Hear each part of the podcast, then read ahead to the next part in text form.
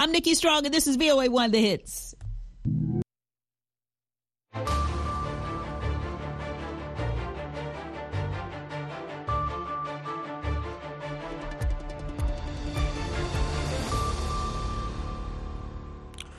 halkani waa washington laanta af soomaaliga ee v o a oo aad ka dhagaysanaysaan mawjadaha gaagaaban efemyada geeska africa iyo caalamkao dhan oo aad nagala socotaan boggeena internetka ee v o a somaly com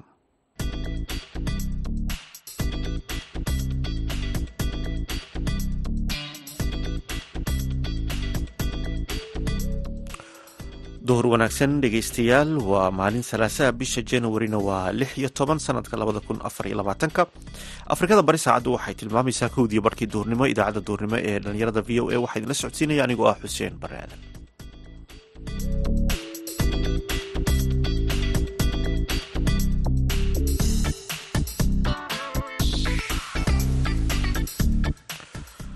qodobada aad ku maqli doontaan idaacadda duhurnimo waxaa ka mid ah maxaa laga filayaa shirka igaad ee la rajaynayo inuu ka dhaco dalka uganda. Run ahaantii markii laba dowladood oo darisa ay xasaradi ka dhex dhalato sida badan waxaa lagu bilaabaa ururka ay ka tirsan yihiin ee goboleed. Marka soomaaliya waxay ka mid yihiin ethoobiaba igad oo halka ay ka bilaabanaysa. Haddii igad xallin weydo oo arrinkaas uu ka socon waayana waxaa laga yaabaa in loo gudbiyo african unionka african unionka haddii ay xallin weydana united nationka marka ay soo farageliso waxaa kaloo dhegaysan doontaan wararkii ugu dambeeyey ee qarax khasaare geystay oo ka dhacay magaalada muqdisho ciyaarihii iyo weliba heesihii ayaan idiin haynaa. Marka horese waxaad ku soo dhawaataan warkii dunida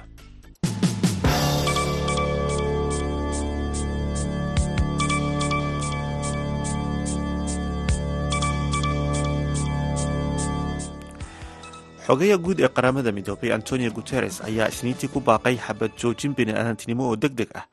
oo dagaalka ka socda in ka badan boqolka maalmood ee u dhexeeya israa'iil iyo xamaas ee marinka khaza xogeyaha guud ee qaramada midoobey ayaa sheegay in loo baahan yahay xabad joojin bini-aadanimo oo deg deg ah si loo hubiyo in gargaarka uu gaadho dadka u baahan si loo fududeeyo sii deynta lahaystayaasha iyo in la damiyo ololka dagaalka sii ballaaranaya xogayaha guud ee qaramada midoobey ayaa intaa ku daray inaanu jirin wax qiil ah oo jira oo loo haysto ciqaabta wadajirka ah ee dadka falastiiniyiinta siduu hadalka u dhigay. Wasaaradda caafimaadka ee khaza ayaa sheegtay isniintii shalay in khasaaraha howlgallada ciidamada israa'iil ay ka wadeen marinka khaza ee go-doonsan uu gaadhay afar iyo labaatan kun iyo boqol qof oo dhimasho ah halka lixdan kun iyo sideed boqol iyo afar iyo soddon kale oo qofna ay dhaawacyo ka soo gaadheen kuwaasoo u badan haween iyo carruur. Inka badan boqolkiiba shan iyo sideetan dadka ku nool marinka khaza ayaa sida lagu sheegay warbixin ay soo saartay qaramada midoobay ka barakacay guryahoodii waxaana dadkaasi ay la ildaran yihiin masiibo bini-aadantinimo oo aada u daran waxaana dadkaasi intooda badan ay qarka u saaran yihiin macluul sida ay sheegeen hay'adaha caalamiga ah ra'iisul wasaaraha ciraaq maxamed shayaac suudani ayaa go'aansaday inuu sameeyo guddi baaritaan ku samaysa duqeynta iiraan ay ka geysatay magaalada arbil iyada oo dowladda ciraaq ay u yeedhay safiirkii u joogay tahraan. Wasaaradda arrimaha dibadda ee ciraaq ayaa bayaan ay soo saartay ku sheegtay kuna cambaaraysay dowladda iiraan maadaama oo ay weerartay magaalada erbil ilaalada kacaanka iiraan ayaa ku dhawaaqay inay burburiyeen xarun ay ku tilmaameen xarunta basaasnimada iyo isku imaatinka kooxaha ay ku tilmaantay argagixisada ee iiraan ka soo horjeeda oo ku sugan arbil. Wasaaradda arrimaha dibadda ee iiraan ayaa war-saxaafadeed ay soo saartay ku sheegtay weerarada ay ilaalada kacaanku ee iiraan ay fuliyeen in ay ahaayeen kuwo isdifaaca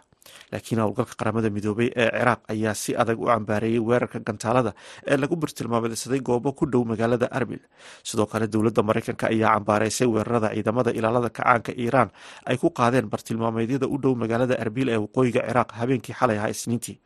War ka soo baxay wasaaradda arrimaha dibadda maraykanka ayaa lagu sheegay in maraykanku uu si adag u cambaareynayo weerarada iiraan ay ka fudisay gudaha dalkaasi ciraaq. Intaasna dhegeystayaal waxaa inoogu idil warkii dunida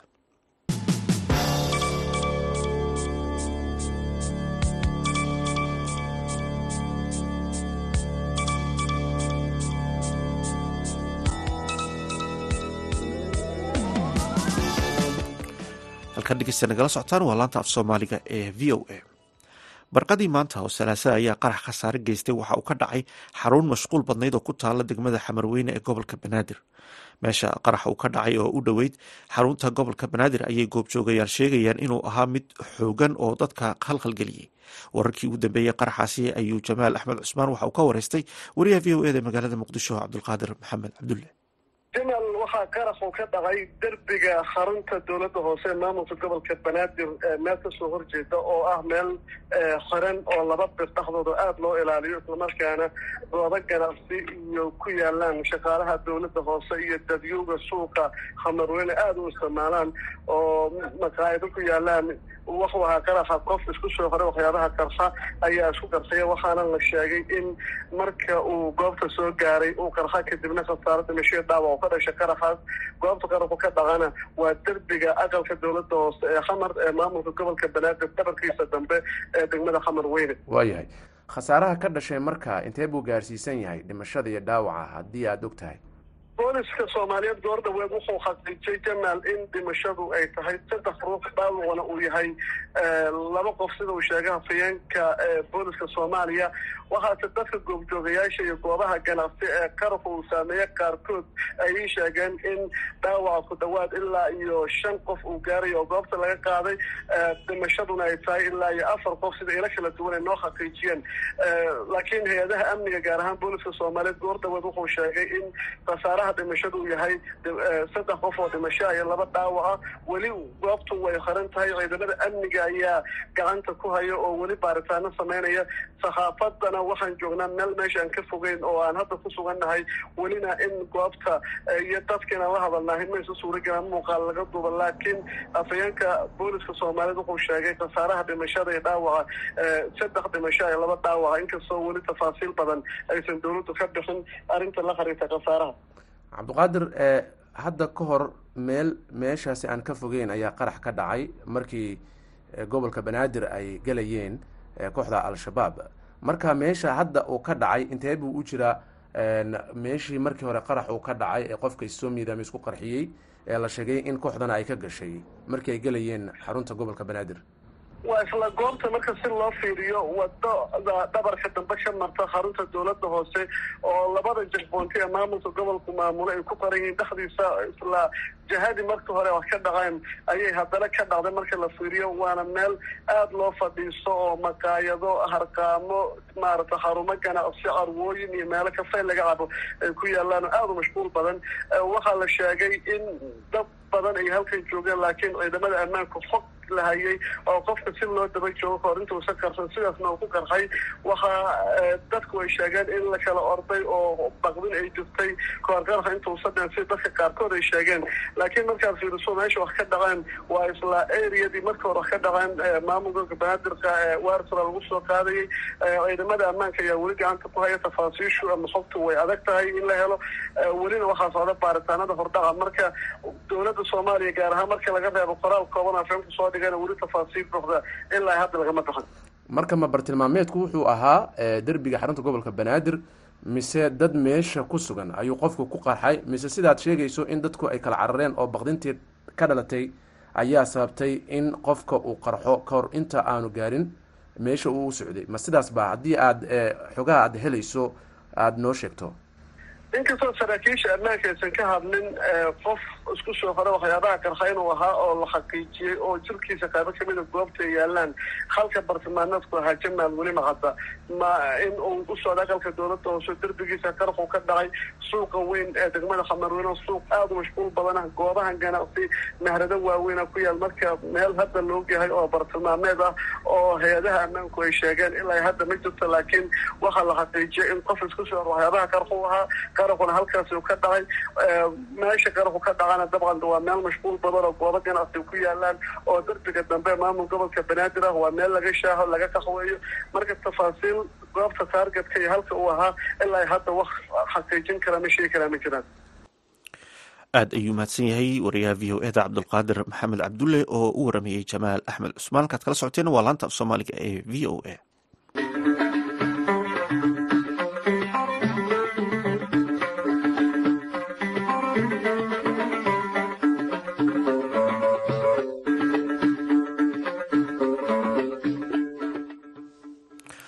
halkan dhegeystayaal nagala socotaan. Waa laanta af soomaaliga ee v o a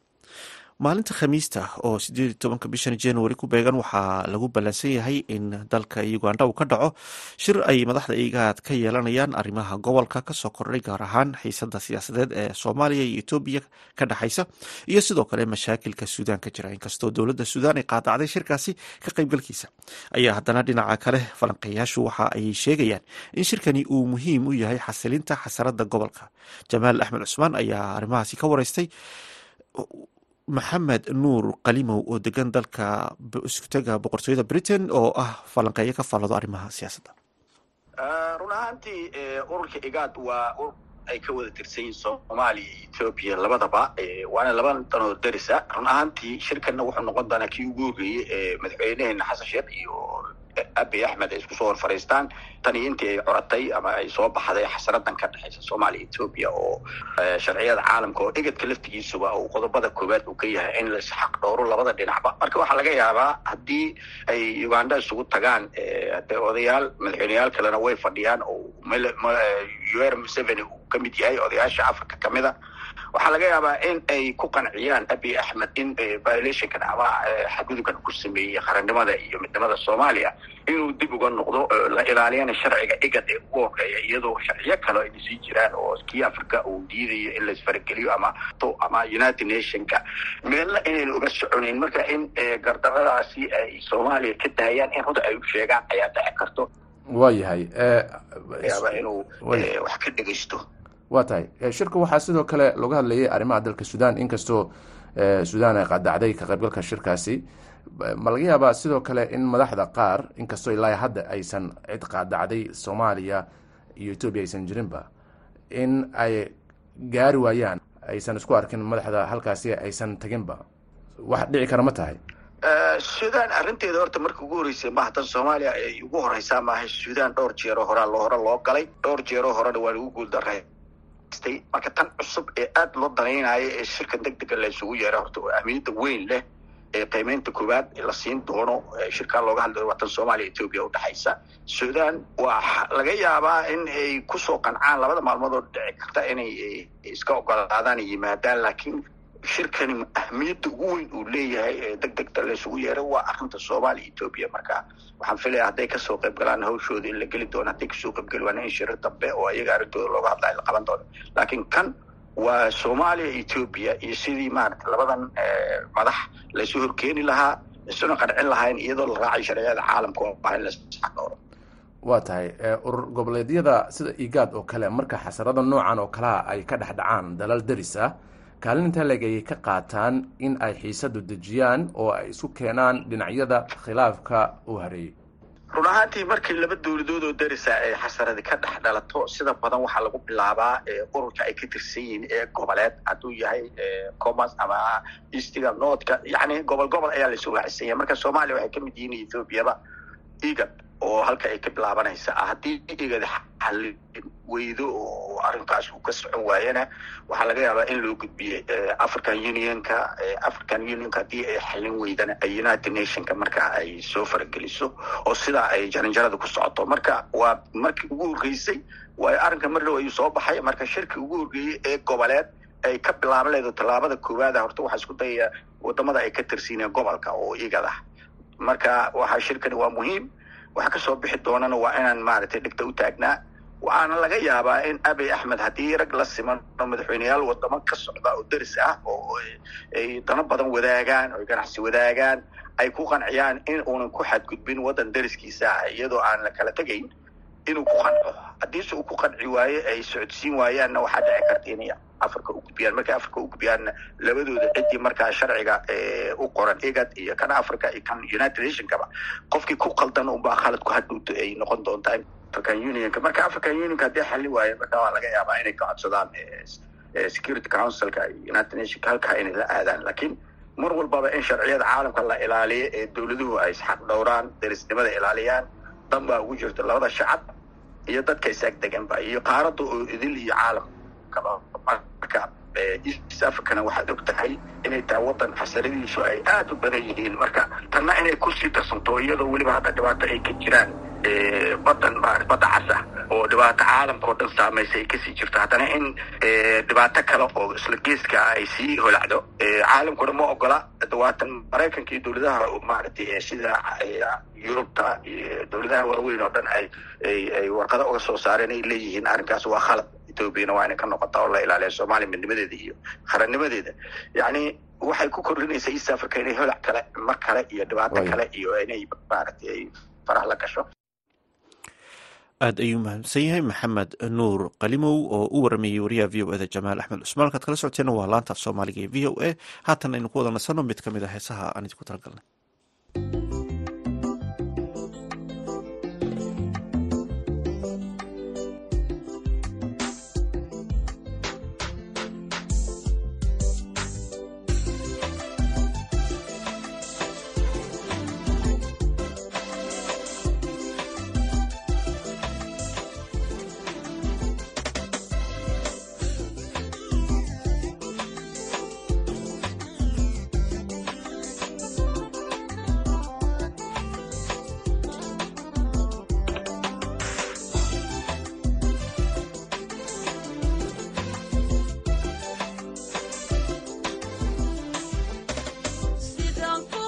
عمر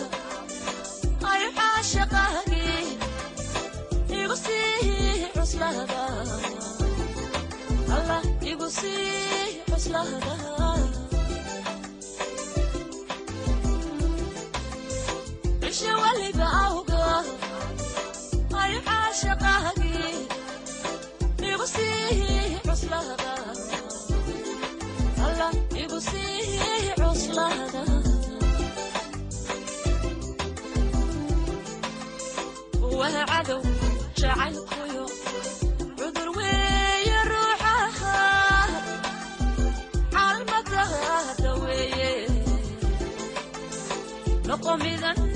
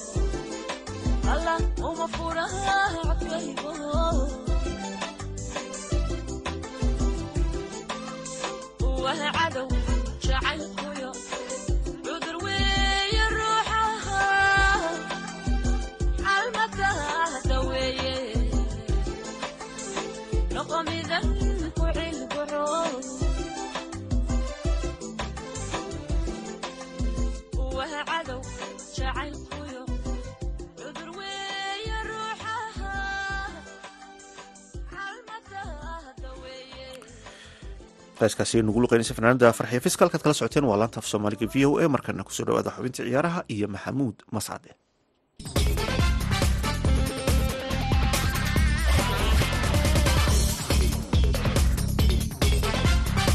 Kuna wanaagsan dhegaystayaal dhammaantiinba kuna soo dhowaada xubinta ciyaaraha. Aan ku bilaabaya koobka qaramada afrika oo si xiise badan uga soconaya wadanka ivory costi oo isagu sanadkan koobka martigelinaya islamarkaasina habeenkii axadda uu tartanku halkaasi ka soo bilowday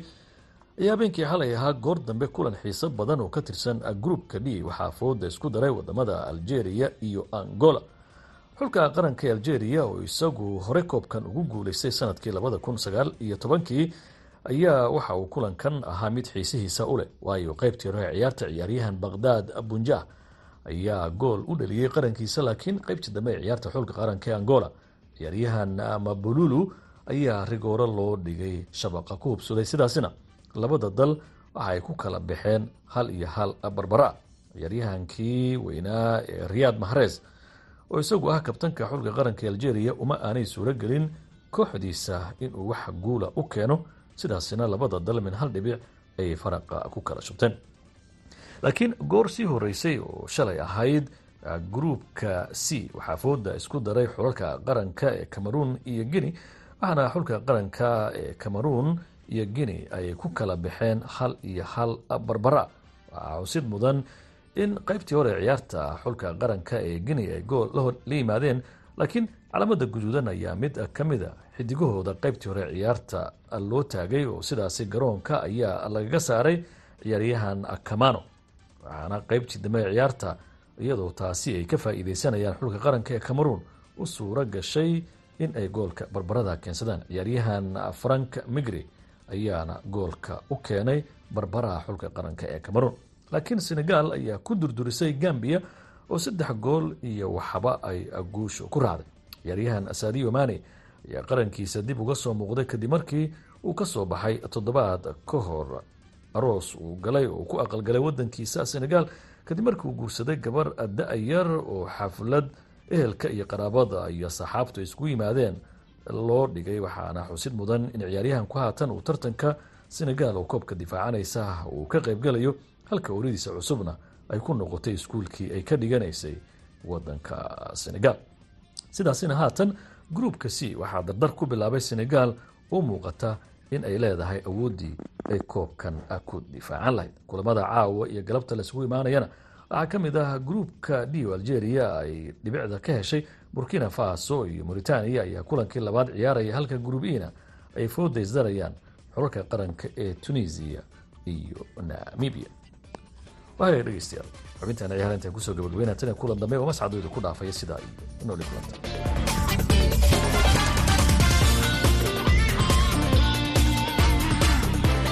aad ayuu mahadsan yahay. Maxamuud mascade oo nala socodsiinaya xubintaasi ciyaaraha kaad kala socoteen waa laanta af soomaaliga v o a. Markale haddaan ku noqono dhankii kaalmaha suugaanta iyo heesaha aan ku soo dhawaada mid ka mid a heesaha aan idiin soo xulnay